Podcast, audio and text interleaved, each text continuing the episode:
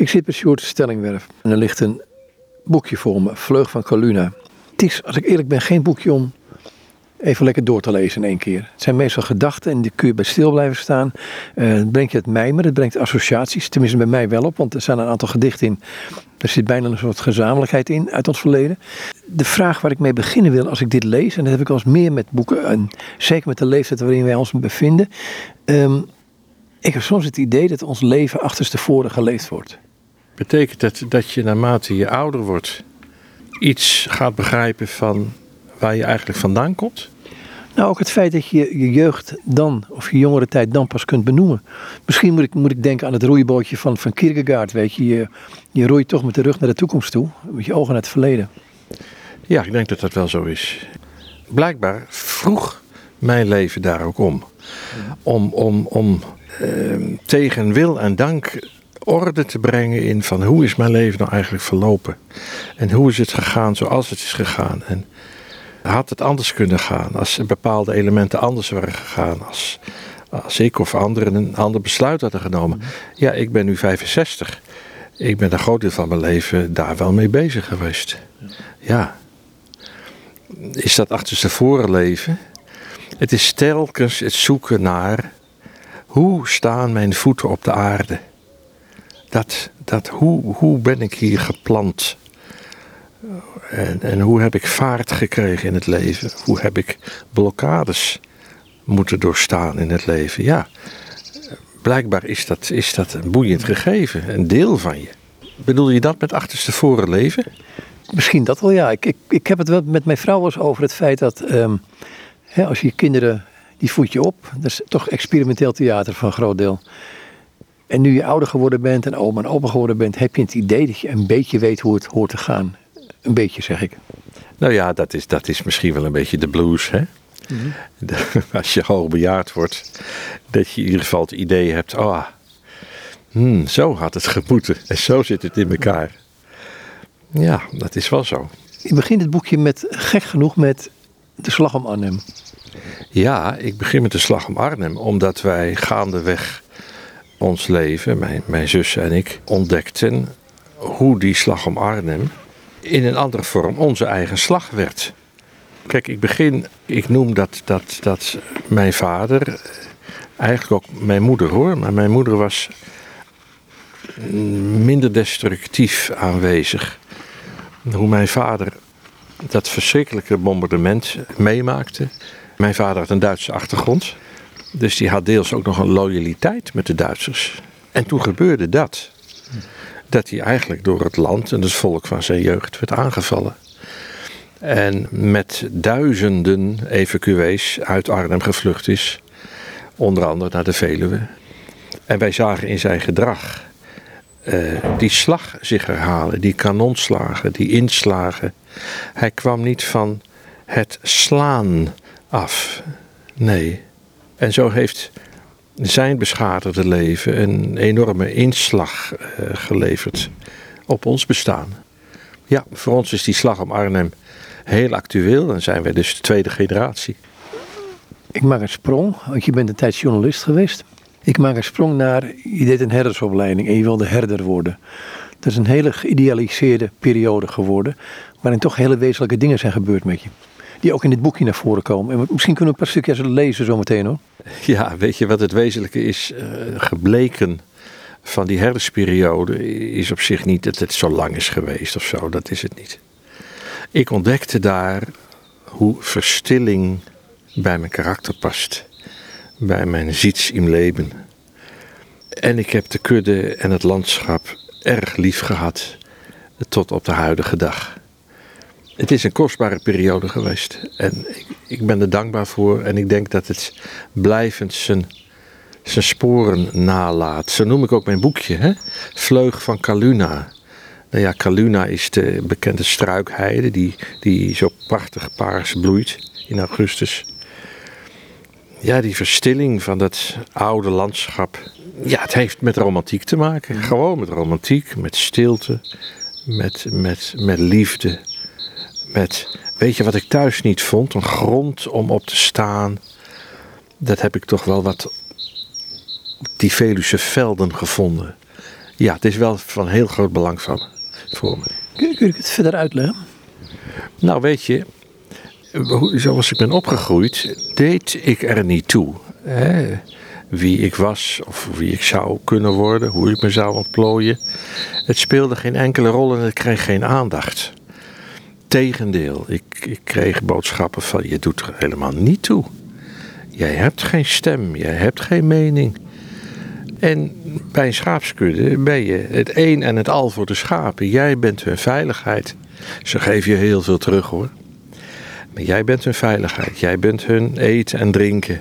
Jij haalt ze op 's morgens. Jij zorgt dat ze bij elkaar blijven. Je brengt ze weer terug. In de lammere tijd zorg je voor ze. Jij bent de vertrouwde figuur die mag helpen bij het lammeren. Dus je krijgt eigenlijk door je positie wel een bepaalde bestaansbevestiging. Maar er zijn ook juist op die heide, die stille momenten, zijn de meest wezenlijke dingen met je gebeurd. Die je eigenlijk niet kunt beschrijven. Je beschrijft er een van in je boek. Maar het is moeilijk te beschrijven, moeilijk te bevatten. Ja, en weet je, dat zullen veel mensen herkennen als er heel wezenlijke momenten in je leven zijn. En je gaat die beschrijven, of je gaat ze eh, duiden, of je gaat ze zelfs eh, verklaren. Dan is het net of ze als het ware verdampen, of ze iets van hun wezen niet meer kunnen vasthouden. Maar wat daar is gebeurd, is bijvoorbeeld in het onweer. Die ontmoeting met, met, met Jezus, een heel merkwaardige ervaring. Wat moet ik er nou van zeggen? Was het een visioen? Ik weet het niet. Het, het zal wel, noem het dan maar zo. Maar het is wel gebeurd. En het is zo bepalend geweest van hoe ik me verhoud tot de natuur en de, en de krachtelementen. Ja, nou ja, hoe moet, wat moet ik er nu dan van zeggen? Om het, hè? Zonder dat ik het stuk praat. Eh, aan de andere kant is daar ook die confrontatie geweest van... Wie houdt er nu eigenlijk van mij? Ik sta hier alleen op het veld. Doe ik er als mens toe. Als herder wel, maar als mens, als steward. Doe ik er toe.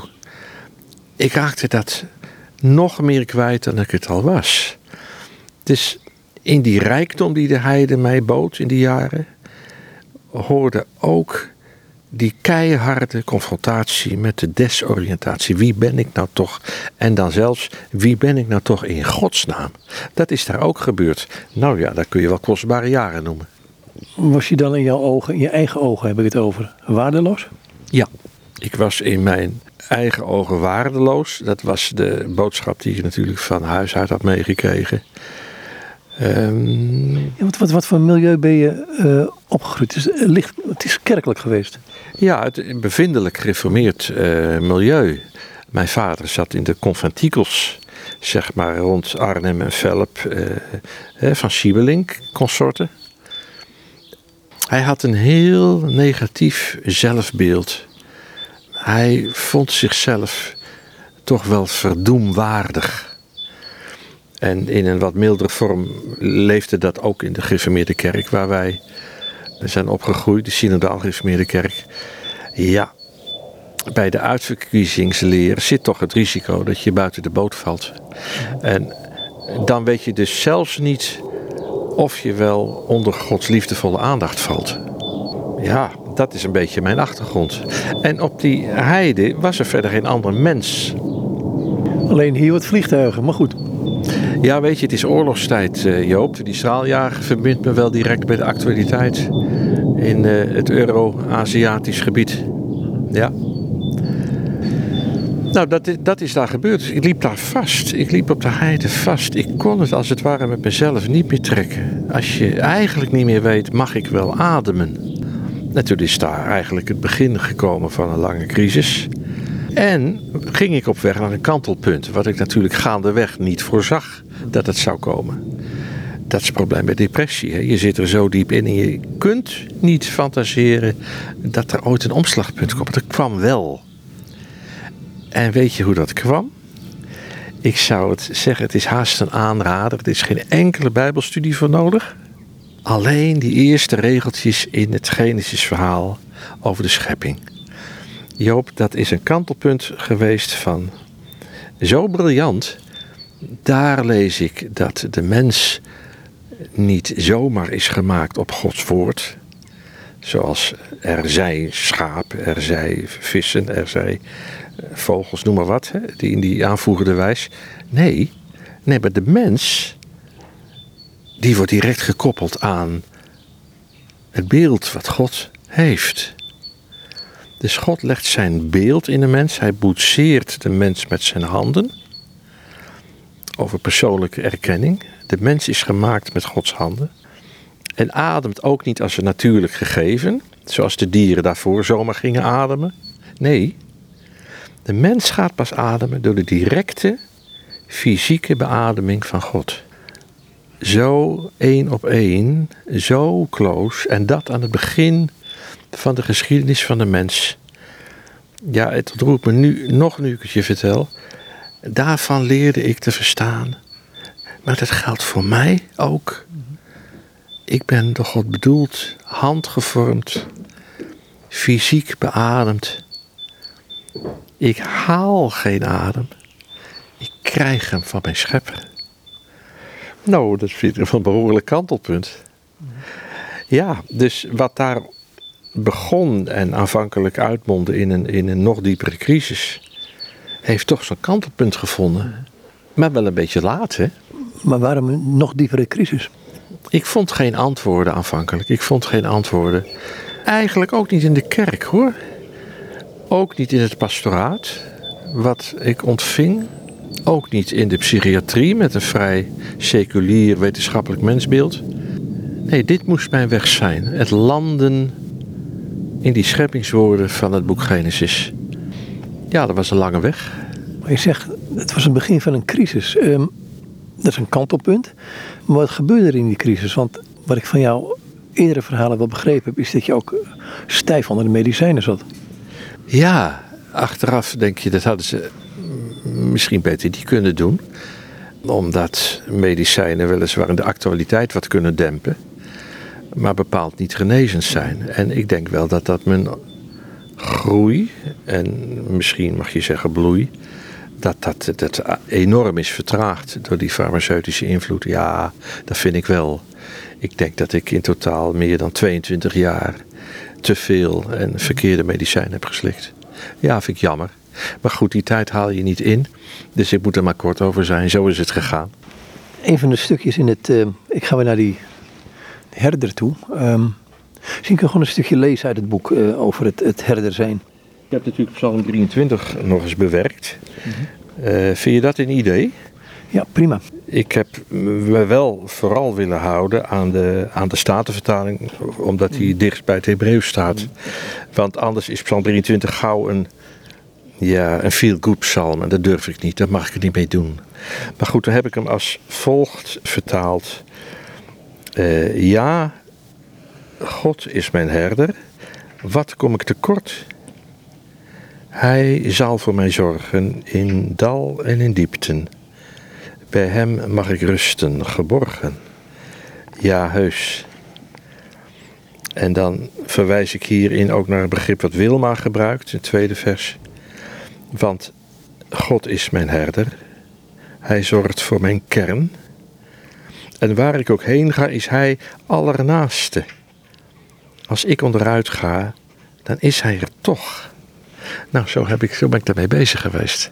Die Wilma, daar heb je ook ongemerkt iets mee. Daar heb ik zeker wat mee, Joop.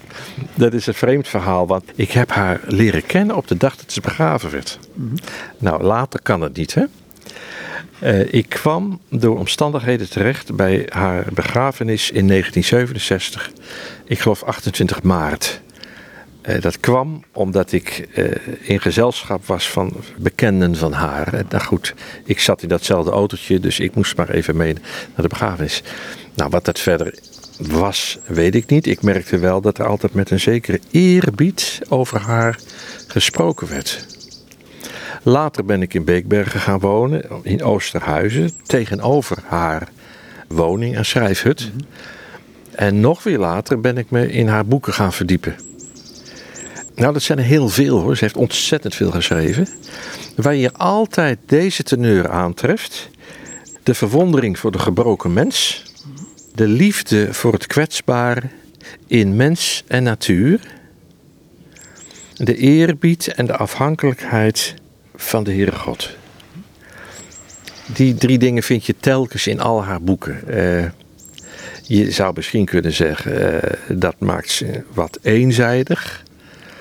Maar dat wil ik niet zeggen. Ik zou zeggen, het maakt ze juist heel veelzijdig. Want dat gegeven spint ze telkens uit. Nou ja, en ik heb gewoond waar zij heeft gewoond en geschreven. Dus sommige van die verhalen kan ik ook precies lokaliseren. denk ik, oh, dat is dat huis. En dat, is erg leuk, ja. Maar het woord wat je hierin gebruikt in de psalm is het woord allernaaste. En dat heb je wel van haar. Het allernaaste heb ik van haar geleend, nou, overgenomen. Kijk, eh, Wilma kende Hebreeuws. En die heeft allernaaste gebruikt als duiding voor het begrip eh, JHWH wat je niet moet uitspreken, hè, waarvan de Joden dan ook zeggen Adonai of, of Hashem, de eeuwige, nou de allernaaste, dat is een equivalent. zo kun je het wel doen. Maar dat zegt dus van een zeer betrokkenheid tussen de Heere God en de mens. En als ik zie hoe Wilma die betrokkenheid heeft verstaan en ook zelf heeft doorgegeven aan de ander, dan kan ik dat woord plaatsen in de dierbaarheid van haar leven. Ik hoor daar Wilma achter, die zo begaan was met alles wat kwetsbaar was om haar heen. Het woord allernaaste, ik zou zeggen, daarmee maakt Wilma bekend dat haar heiland toch ook de man van smarten was.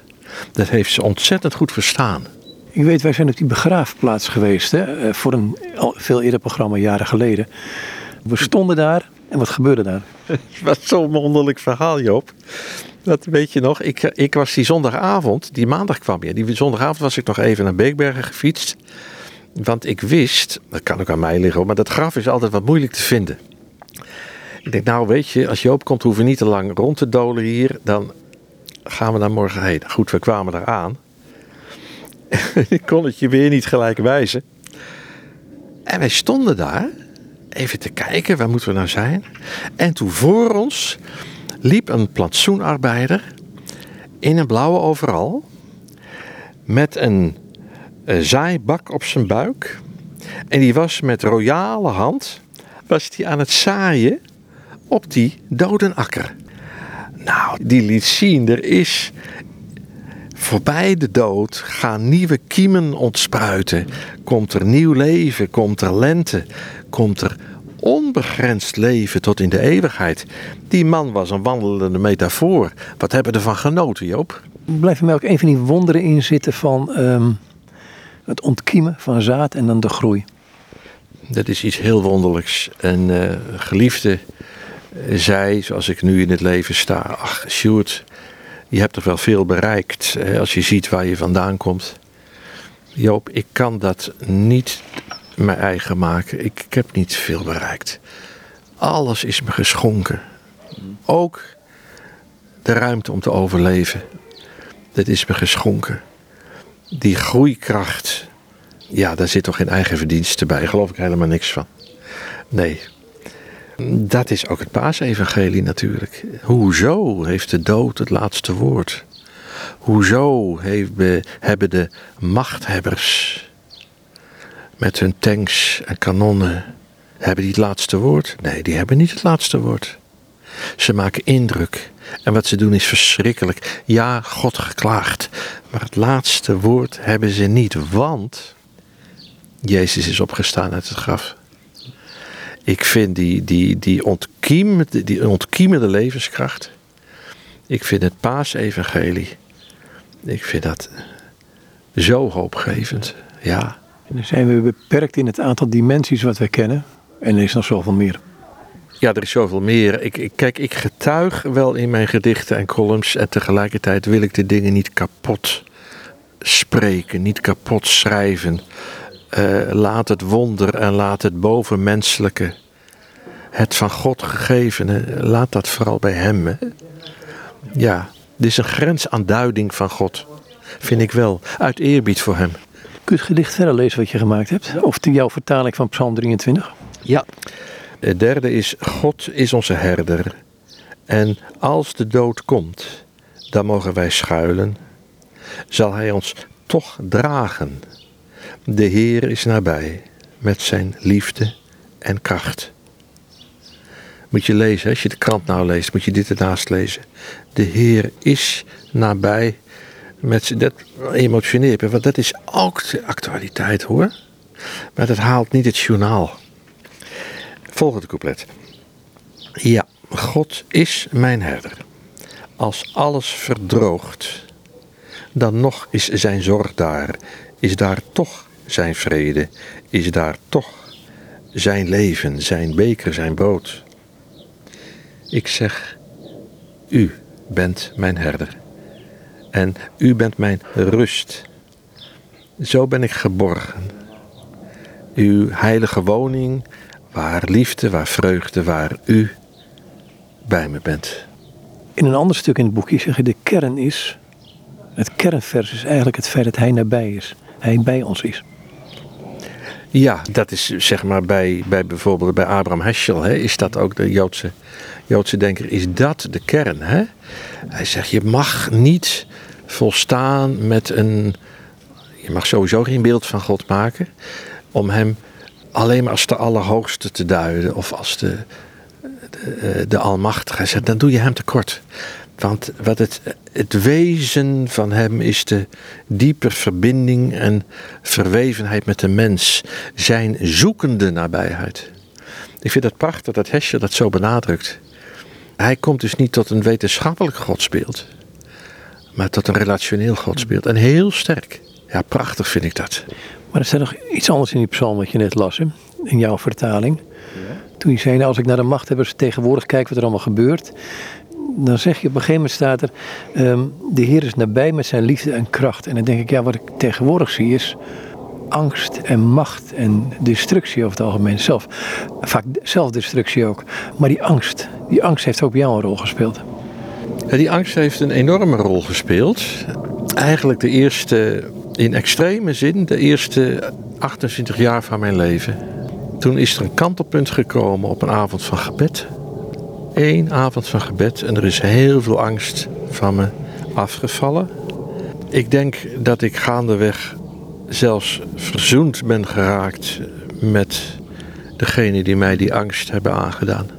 Ik heb ze niks te verwijten, Joop. Ik zeg het had niet mogen gebeuren, maar ik laat het rusten. Het is, het is goed zo. Ja, dat had ik toch ook niet kunnen voorzien. Ik had toch alle grond gehad om een bitter mens te zijn. Nee, dat is niet mijn weg. Het is goed zo. Maar goed, die angst, hè? je zegt er is voor gebeden. Ehm, maar wat doet angst met je en in welke mate speelt vergeving daar een rol in, wat je nu vertelt? Um, en kunnen we vertellen hoe dat proces geweest is? Nou, in die zin dat het niet een begon met een prachtig afgerond verhaal met uh, vergeving jegens degene die mij zo uh, beschadigd hebben. Nee. Het begon dat ik ontdekte dat Gods aanwezigheid in die situatie kwam. Heel merkwaardig. Ik zal je een voorbeeld geven. Ik heb uh, zeg maar 28 jaar achtervolgingsangst gehad. En die ochtend na het gebed reed ik, ik weet nog, reed langs kanaal. En ineens dacht ik, ik kijk niet meer in de spiegel. Ik weet niet eens wie er achter me rijdt. Nou, zo is, dat omslagpunt, zo heb ik dat ervaren. Het was ineens veranderd. Er stond een andere dimensie tegenover. En dat was die van geborgenheid. Dat was de verandering. Niet meer hoeven te kijken wie er achter je rijdt of loopt.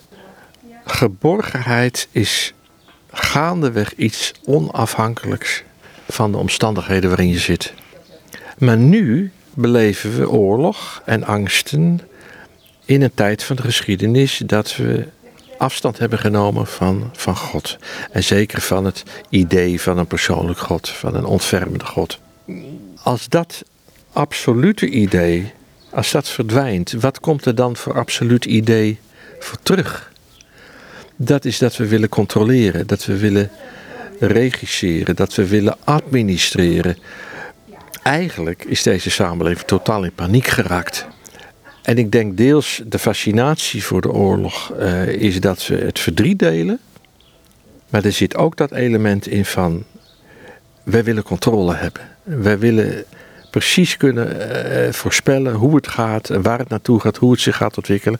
En dat kan dus nu niemand, want de chaos is te groot. Dat maakt dat de inslag van deze oorlog, bijvoorbeeld in de Oekraïne, uh, immens is op het leven van, van de mensen. Ze hebben geen houvast meer.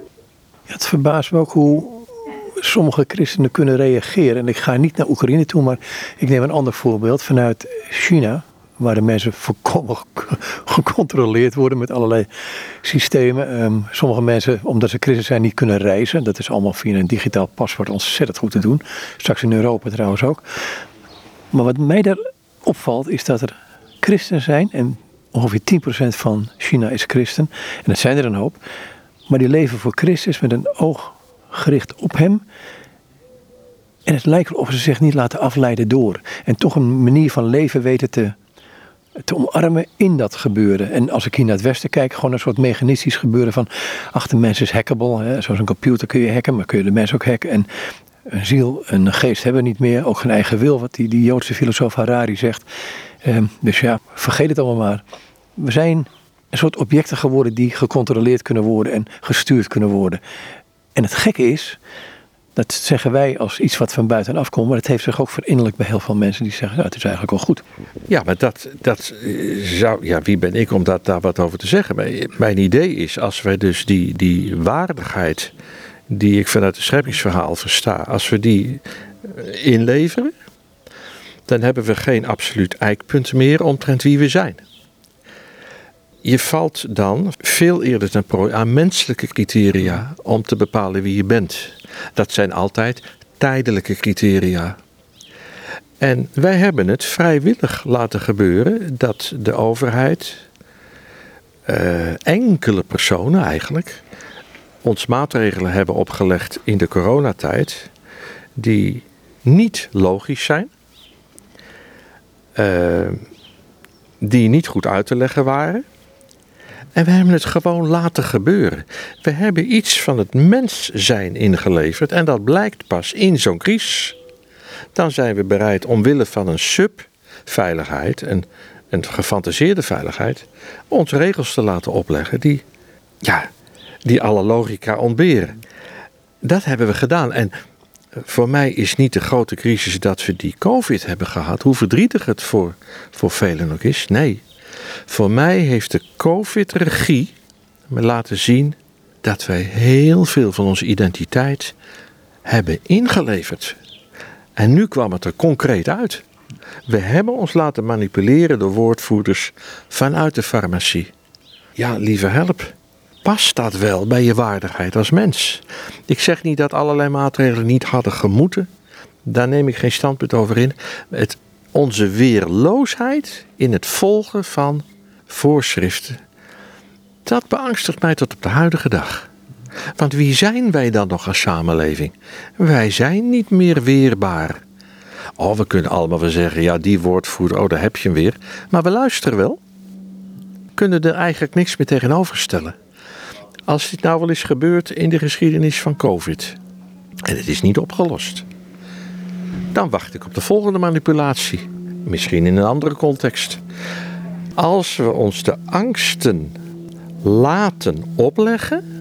Ik ga het niet over de angsten die we van nature hebben. De angsten laten opleggen. Dan zijn we dus alle kanten uit te bewegen. Ik vind dit een hele enge tijd, Joop. Ja, ben ik met je eens. Want ook een aantal regeringen, waaronder de Britse, komen er nu ruiterlijk vooruit. Duitsland heeft het al gedaan, België is ermee bezig. We hebben de mensen bewust bang gemaakt. En dat vind ik een ontwaardiging, mag ik dat zo zeggen, van, van, van wie de mens is. Dat vind ik ook. En al veel eerder kwam in de publiciteit, hebben ze toegegeven dat onder andere Merkel, die ik tot mijn verbijstering een heel apparaat van, van angstpropaganda heeft geactiveerd om maar de mensen aan het, aan het, aan het inenten te krijgen. Ik denk, ja, wat, Gaan we dan zo met elkaar om? Moet dat de motief, het motief zijn om mensen naar een bepaalde medische richting te dirigeren? Onbegrijpelijk. Ik vind dit eh, heel beangstigend. Er zit nog een ander ding bij. En ik ga terug naar je boekje. Je hebt het daar over uh, pijn en norm. En dan geef je een voorbeeld bij met Etty Hillesum. Met een soldaat die zichzelf overschreeuwt in die pijn en norm. Kun je, kun je dat uitleggen wat je daar geschreven hebt? Nou ja, die soldaat waar Etty Hillesum het over heeft, dat ziet zij gebeuren. Zij ziet daar een beschadigde jongen die eigenlijk nauwelijks van voren weet wie die van achteren is. En die jongen die verwerkt de positie door lelijk te doen. Door te slaan, door te trappen, door te schelden, door te dreigen. En terwijl ze dat ondergaat, denkt ze: Ach, wat ben je toch eigenlijk? Wat ben je eigenlijk? Ben je eigenlijk wel wat? Of was hij een willoos, mechanistisch wezen? Wat in niets meer lijkt op een waardig mens. Die jongen had, die was eraan gewend. Als ik me maar laat sturen, als ik anderen pijn doe, dan tel ik mee. Hij had zijn waardigheid ontleend aan zijn positie als, als, als soldaat of als agent. In het vernederen van de ander, daar vond hij zijn waardigheid in. Maar wie die zelf was, dat had hij blijkbaar niet ontdekt. Ja, dat noemt Etty Hillesum daar. Maar goed, er komen er twee dingen bij elkaar. Eén, ehm, hij was ook slachtoffer van, ja, wat dan ook. Maar je hebt ook een eigen verantwoordelijkheid. Maar waar, waar, waar haal je de kaders vandaan om te beseffen waar die verantwoordelijkheid dan uit zou bestaan? Waar zou ik de waardigheid aan ontlenen als ik dat nou niet had gevonden in dat joods-christelijke scheppingsverhaal? Ik had er geen alternatief voor, het had zich niet aangediend. Waar vind je die toets dat eikpunt buiten je eigen beschadigingen. Want dat is natuurlijk mij wel overkomen. Dat ik vond, er is een werkelijkheid buiten de schade, buiten de afwijzing, buiten de vernedering. Ja, ja dat heeft natuurlijk een enorme rol gespeeld. Ik heb er in mijn boekje, eh, daarom, ik heb me ook wel bewust verzet daar staat het gedicht in verkiezing in. En ik heb, heb dat bewust die provocerende titel gegeven. Als je opgroeit met een, een uh, misschien wat vroom bedoeld hoor, mensbeeld van, maar jij bent niks, jij bent niks waard, uh, je weet niet eens of, of God zich wel over je wil ontfermen. Hoe sta je dan in het leven? Altijd de kans op een afwijzing voor nu en voor eeuwig. Ik vind dat een botsende gedachtegang als ik het evangelie lees. Ik vind niet dat dat kan. Ik vind dat afwijzing in een kerkelijke theologie zo niet kan. Dat, dat kun je gewoon niet maken. Ja, ik ga nu iets vragen wat je me ooit verteld hebt. Um, dus het staat niet in het boekje. Maar het komt er wel in naar voren toe op een andere manier. Er loopt een zwerver voorbij. Een beetje voor zich uit te zingen, te kletsen. En dan? Oh, prachtig. Die man was uh, mens in zijn ruwheid, zoals een mens in zijn ruwheid kan zijn. Hij zag er niet uit.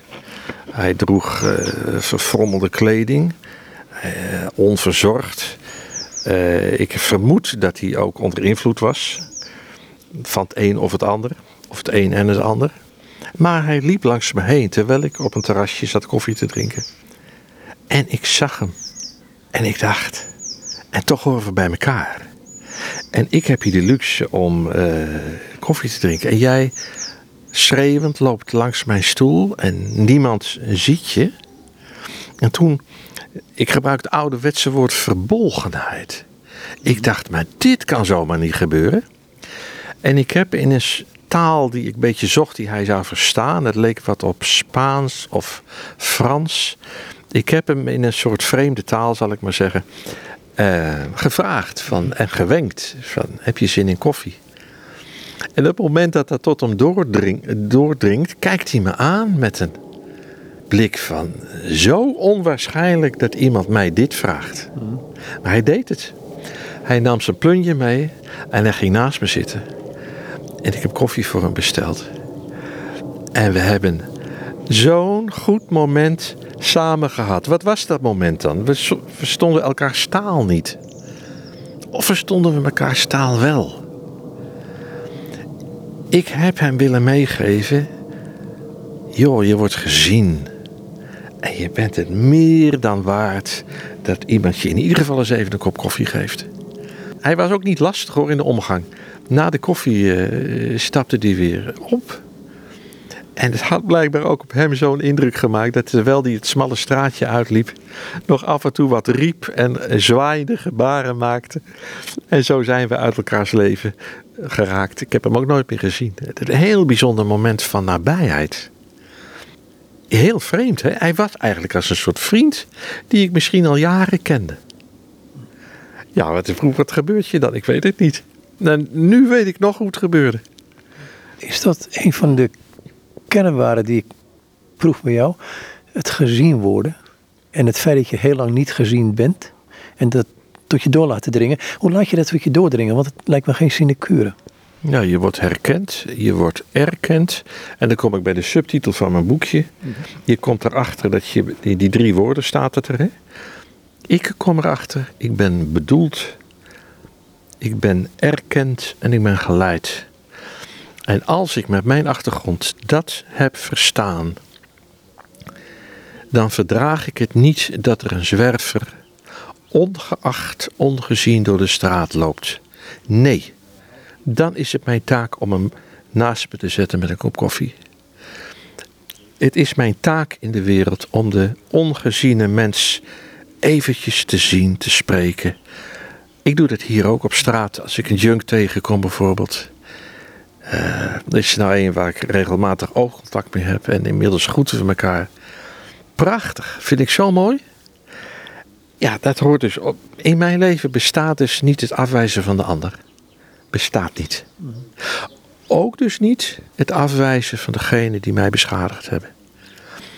Omdat ik ontdekt heb hoe God naar de mens kijkt. Ik mag niemand afwijzen en ik zou het ook echt niet willen. Dat is gewoon zo wel. Dat is wel mijn weg geworden. Staat het een beetje haaks op wat ik tegenwoordig wel proef dat we toch ons ik, onze diepste wezen, verschuilen achter een mening? Het gaat voorbij aan een mening hebben over een ander. Ik, wij grossieren in meningen en, en we wekken de indruk, als we de media een beetje volgen, dat iedereen ook wat te zeggen heeft. Dat, is dat dan die mondigheid? Ik vind wat ik aan uitspraken hoor en lees ik vind het vaak helemaal niet de moeite waard. Wij denken dat we een mening hebben die ertoe doet. Ik weet het niet hoor. Ik hoor mensen de domste dingen zeggen, joh. Weet je wat ertoe doet? De zwerver of het kind. Er kwamen gisteren twee kinderen aan de deur. En die verzamelden flessen voor andere kinderen in nood. Ik begreep later dat het om statiegeld ging. ik eens niet door. En toen zei ik tegen die kinderen. Je mag het nodige te leren, denk ik. Ja, weet ik veel. Kinderen vroegen om flessen. En, en toen zei ik. En, uh, en hoe vind je dat dan dat die kinderen in nood zijn? En een heel verhaal van het jongetje en het meisje deed ook mee. En toen zei ik, ik vind jullie engeltjes. Ik vind het zo mooi wat jullie doen. En zij zagen mijn, mijn blijdschap. En ze begonnen helemaal te gloeien. Dus voor die kinderen hebben ze een oudere man ontmoet die heel blij met ze is. Nou ja, hoe simpel kan het zijn? Maar ik meen het ook. Hè? Ja, tuurlijk. Eh, help ze, help ze, er, geef ze erkenning. Prachtig. Je had het net over medicijngebruik. Um, dat heb je 23 jaar gedaan. Medicijnen die afgebouwd zijn. Die ook voor een deel te maken hebben met uh, ja, psyche. Met, met de manier hoe je in, in depressie stond. Um, nou, ze van een Koreaans filosoof Ban, uh, het is een, woont in Duitsland volgens mij, die heeft een boekje geschreven die palliatief Gesellschaft. En wel, oftewel, we zijn op een moment aangekomen in deze geschiedenis dat pijn niet meer mag, lijden wat helend kan zijn. Uh, je wil het niet, maar het kan heel helend zijn. En overal maar iets tegen hebben waardoor we gewoon vrolijk en vief verder kunnen leven, vooral positief blijven. Ja, dat is, dat is hè, wat hij noemt die palliatieve samenleving. Uh, de scherpe kanten moeten eraf. Ik denk dat ik zo ook wel benaderd ben vanuit uh, wat meer klassieke psychiatrie. Uh, van je moet dat dempen, je moet die prikkels dempen. En dat, kijk, er zijn crisissen waarin dat natuurlijk wel wenselijk is, dat snap ik wel.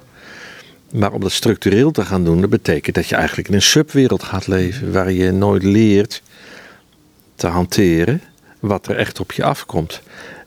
En eigenlijk haalt je dat als mens onderuit. Het maakt je onvolwassen. Je kunt immers niet dan zonder die medicatie in het leven staan. Is dat dan de bedoeling? Is dat dan de bedoeling dat je gedrogeerd je weggaat en eigenlijk dus niet goed je verantwoordelijkheid kan dragen. Nee, ik denk toch niet dat we dat, die kant op moeten. Nee. Nee, ik ben blij dat ik er later mee kon stoppen en dat ik de boel heb afgebouwd. En eh, heeft dat iets aan mijn prikkelgevoeligheid uh, verslechterd of verbeterd? Oh, ik weet het niet. Dat hoort er dan gewoon bij. Maar goed, dat heb ik dus wat later moeten leren. Dat het heel goed, beter zelfs gaat. Zonder medicatie. Veel beter. Maar hoe ga je dan met het lijden om? Want je kunt natuurlijk je kunt het ook omarmen als een soort dolorisme en het verheerlijken. Terwijl het lijden accepteren in je leven is iets anders. Want dat heb je, dat heb je pas laat gedaan. Dat heb ik pas laat gedaan. Kijk, ik geloof niet dat het moet. Ergens in mijn boekje Vleug van Caluna schrijf ik ook. Ik weet niet of lijden enige zin heeft in zichzelf. Ik, ik, weet, ik denk het eigenlijk niet eens. Ik denk het niet. Maar als het een deel van je is, dan heb je daarmee om te gaan. Dan moet je daar niet tegen vechten. Maar dan is het er. En laat dat je waardigheid en laat dat je waardering van het leven vooral niet in de weg staat. Want het lijden is een deel van de mensheid. Dat kun je niet verdoven, dat kun je niet wegdenken. Dat kun je niet. Nee, dat, dat is gewoon een, een element van het leven. Wij worden bedreigd, wij worden beschadigd. En dan nog verstaan hey, jij beschadigd mens bent hier om vrucht te dragen. Heel klassiek te groeien en te bloeien. Jij beschadigd mens. Is dat misschien een variant op het Bijbelse beeld van die graankorrel die, ja, nou één keer beschadigd, onderuit gaat, sterft. Misschien is het dat, maar ik wil het ook niet te heilig maken, hè, mijn eigen weg. Maar in ieder geval is het wel zo dat lijden niet je vruchtdragen eh, stagneert. Helemaal niet. Het verbindt je juist met die anderen. Die zich ook in jou herkent en in wie jij je herkent. Ik vind lijden en humor, die twee, zijn sterk verbindende factoren. Ja, nou, als ze er zijn, gebruik ze.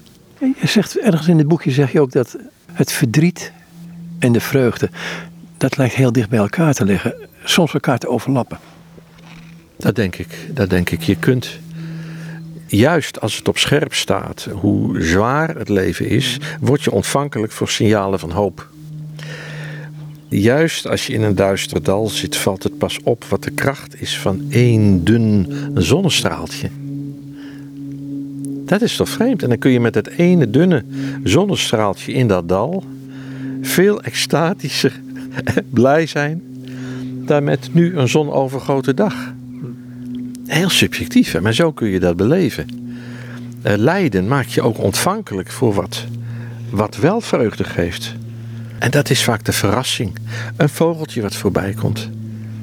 Een zonnestraaltje. Hier in het grasveld, een paar kokosjes die naar boven priemen en hun, hun kroon laten zien in al zijn kleuren. Dat zijn hele kleine dingen. Ja. Zo'n afgedragen herdershoed. Ja, dat klopt, die herken jij. Dit is inderdaad afgedragen herdersvoet. Kijk, op een gegeven moment wist ik wel, nou dat verhaal moet ik niet altijd maar met me meezeulen. Ik, ik koester die hoed uh, niet in zijn oorspronkelijke schoonheid. Hij staat op een paaltje oud en beschimmeld te worden. En op een zekere dag is het voorbij met die hoed. En uh, dat is een soort vanitasbeeld, hè? Mm -hmm. Ja, uit de oude schilderkunst. Hey, zullen we naar een stukje weer in het boek gaan, weer naar de heide? Dragend silentium. Klinkt als stilte. Ja, dat is het ook. Eh, de Romeinen kennen het, sil het silentium. Even kijken waar je die vindt, Joop. Uh, bladzijde 34. Ja, eh, het, is een, het, is, het silentium is eigenlijk de overgang tussen de middag naar de avond. Hè? Die, die, die fase waarop de vogels niet meer zo zingen, waarin de boer klaar is met zijn landarbeid, waarin er stilte over het veld trekt. Het silentium, dus de stilte. Ik was met mijn vrouw in de, in de duinen in de winter. En, en, en ja, dit gebeurde. Ik, ik, ik zag het. Ik, ik, ja, hoe moet ik dat nou zeggen? Dus uiteindelijk heb ik er maar een gedicht van gemaakt. Uh, hier kijk ik terug in dat dragend silentium naar, naar, naar heel bijzondere momenten uit mijn tijd als herder. Um, zal ik het eens voordragen? Ik heb het als een soort spoken word gedaan. En dan klinkt het zo. En hoor, het is goed dit zwijgende laudate. Hier nu de middag verglijdt met de verte roepende korhoenders, hun roer, roer. Met zicht op het westen klinkt uit een berk de geelgors weemoedig. Wind brengt de roep van de vogel naar ver. Lome slagen uit het dorp om iemand die zojuist is heengegaan. Naar ver. Daar blaat een lam aanhoudend, dus dan is er iets. Zingend loop ik op de kudde af. En de schapen blijven in hun rust. Met mijn staf haal ik het diertje naar me toe. Er zit een steentje klem in een hoefje, en dan hoef je maar te blaten of de herder komt. Die verlost je van het kwade. Dat is hem. Wat zijn de associaties die je direct hierbij hebt? Want je staat hier op die heide. Ja, de rijkdom. De rijkdom van dat min of meer verstilde landschap. En dan valt juist dat ene vogeltje op. De geelgors die dit toen nog wel was. Nu is die er niet meer. Ehm, die lome slagen uit het dorp. Als ik op de noordelijke heide stond, stond ik zeg maar 40 meter boven het dorp. En dan kon ik dus de kerkklokken horen slaan wanneer er iemand ten graven werd gedragen. En dan de stem van een lammetje op een verstilde heide is heel indringend. En dan weet je, het blijft roepen, er is iets, ga kijken. Wat is er met het diertje? En dan heb ik die omslagpunt in het eind. eh, De herder komt, die verlost je van het kwade. Ja, deels is dat beroep natuurlijk een, een vergelijking met, met hoe Jezus zich presenteert als de goede herder. En het steentje in zijn hoefje waarom die blaat, dat gaat de herder oplossen. Het is eigenlijk een gesproken schilderij, hè? De bladzijde daarna vind ik ook wel apart, hè? over die mist. Daar proef ik bij jou een soort verlangen naar. Het is bijna romantisch. Ja, ik, ik vind mist. Ja, het is bizar hoor, want als je erin staat, word je tot op het bot koud. Eh, maar mist suggereert ook een werkwoordsbetekenis betekenis van iets wat er niet is. En dat is ook zo. In mist is er een hoop niet. In mist worden heel veel beelden en contexten gemist. Iedere boom in het bos in de mist mist zijn omgeving en wordt een solitaire boom. Eh, dus het landschap verandert ervan. Bestaat alleen maar uit afzonderlijke elementen. Of een schaap bestaat alleen uit een buik omdat je de pootjes niet kan zien. Of een koe alleen uit een, uit een kop met horens zonder lijf, omdat er mist optrekt. Ja. Dus mist is een prachtig woord, omdat het het, het afwezige aanduidt. Nou ja, dat is dit geworden. Die koude nacht had het gemist. Het was er niet. Maar toch, om het zo uit te drukken, miste de mist. Het is een heerlijke woordspeling. Hey, ik wil gaan naar een gedicht, eh, De Leegste Stilte. Ehm, en daar misschien wel bij afsluiten. Of jij moet nog een andere afsluiting hebben hierna. Ehm, het zijn drie gedichten over de heide die achter, achtereenvolgens neergezet zijn. Of heide 1, heide 2, heide 3. Ja. Ehm, het eindigt met heide 3, dag in nieuw licht. Maar die leegste stilte, want dat zet toch wel neer hoe jij in het leven stond, staat en misschien nogal staat. Ja, in ieder geval stond. En dat, daarvan hou je altijd iets bij je, denk ik. Hè? Dat denk ik ook. En dat is dan blijkbaar een aantal sporen die je meeneemt in je ontwikkeling als mens. Nou, het is een beetje waar we het gesprek mee begonnen. Van, wordt het leven, nou achterstevoren vind ik een verkeerd woord eigenlijk, geleefd in de zin van... ehm, je bent toch een cumulatief wezen, om het zo te zeggen. Alle dingen die gebeurd zijn, ook je baby zijn, je kind zijn, dat zit in je. En dat krijgt misschien nu pas gestalte voor je. Ehm, ja, het krijgt gestalte en je kunt er als het ware beter naar kijken en beter doorheen kijken. Het beter in een perspectief plaatsen van wat je toen niet wist. Een veel verdergaande ontwikkeling. Dus ik kon hier eigenlijk, dit zijn drie sonnetten geworden. Ik vond het leuk om die vorm eens te doen.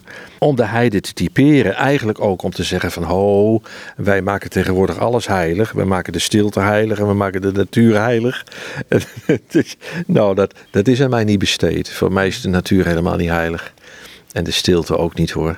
Maar het vertoeven in de stilte biedt kansen. Dat is iets anders.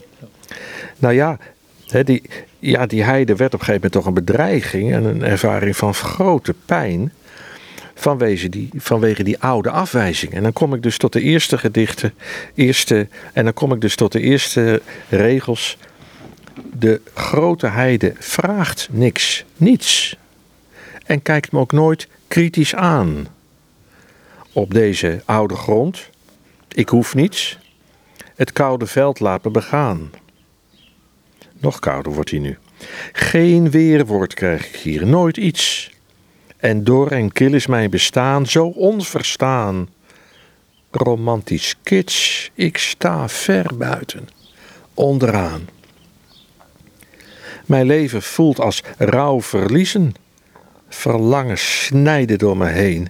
Ik weet geen uitweg meer te kiezen. Mijn eigen stem als van een vreemde, niet verstane, ongehoord, een diep ontheemde. Punt.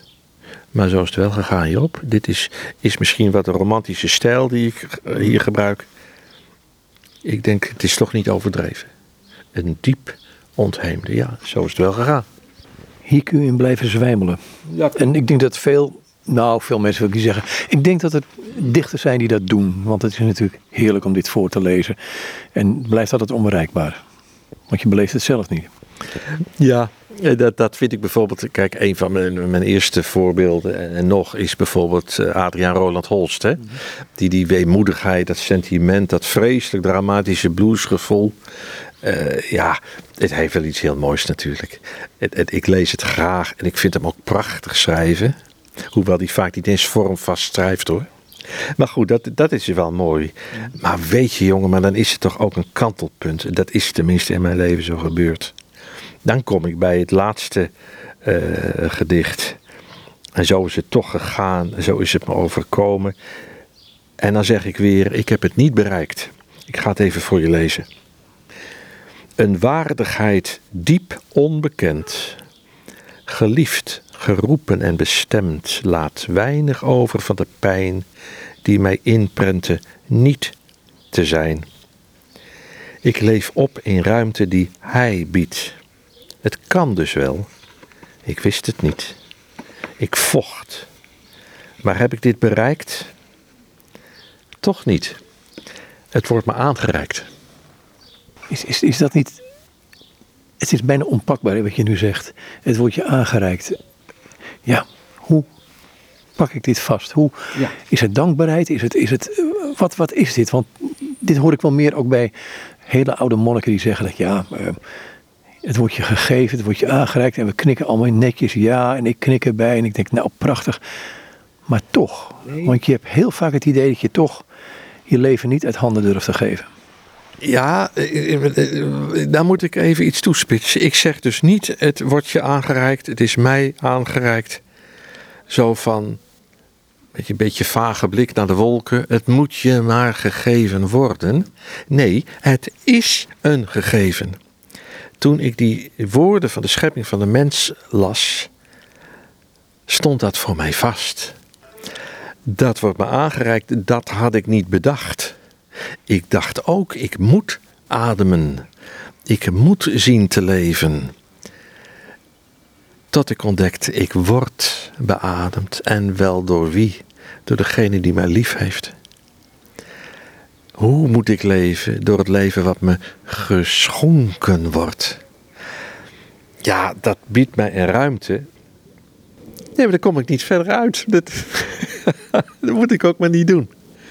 Nee, dat besef. De adem wordt me ingeblazen.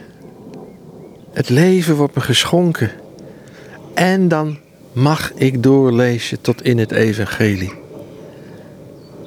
Zelfs het leven zonder einde in de diepste verbondenheid met mijn schepper wordt me geschonken.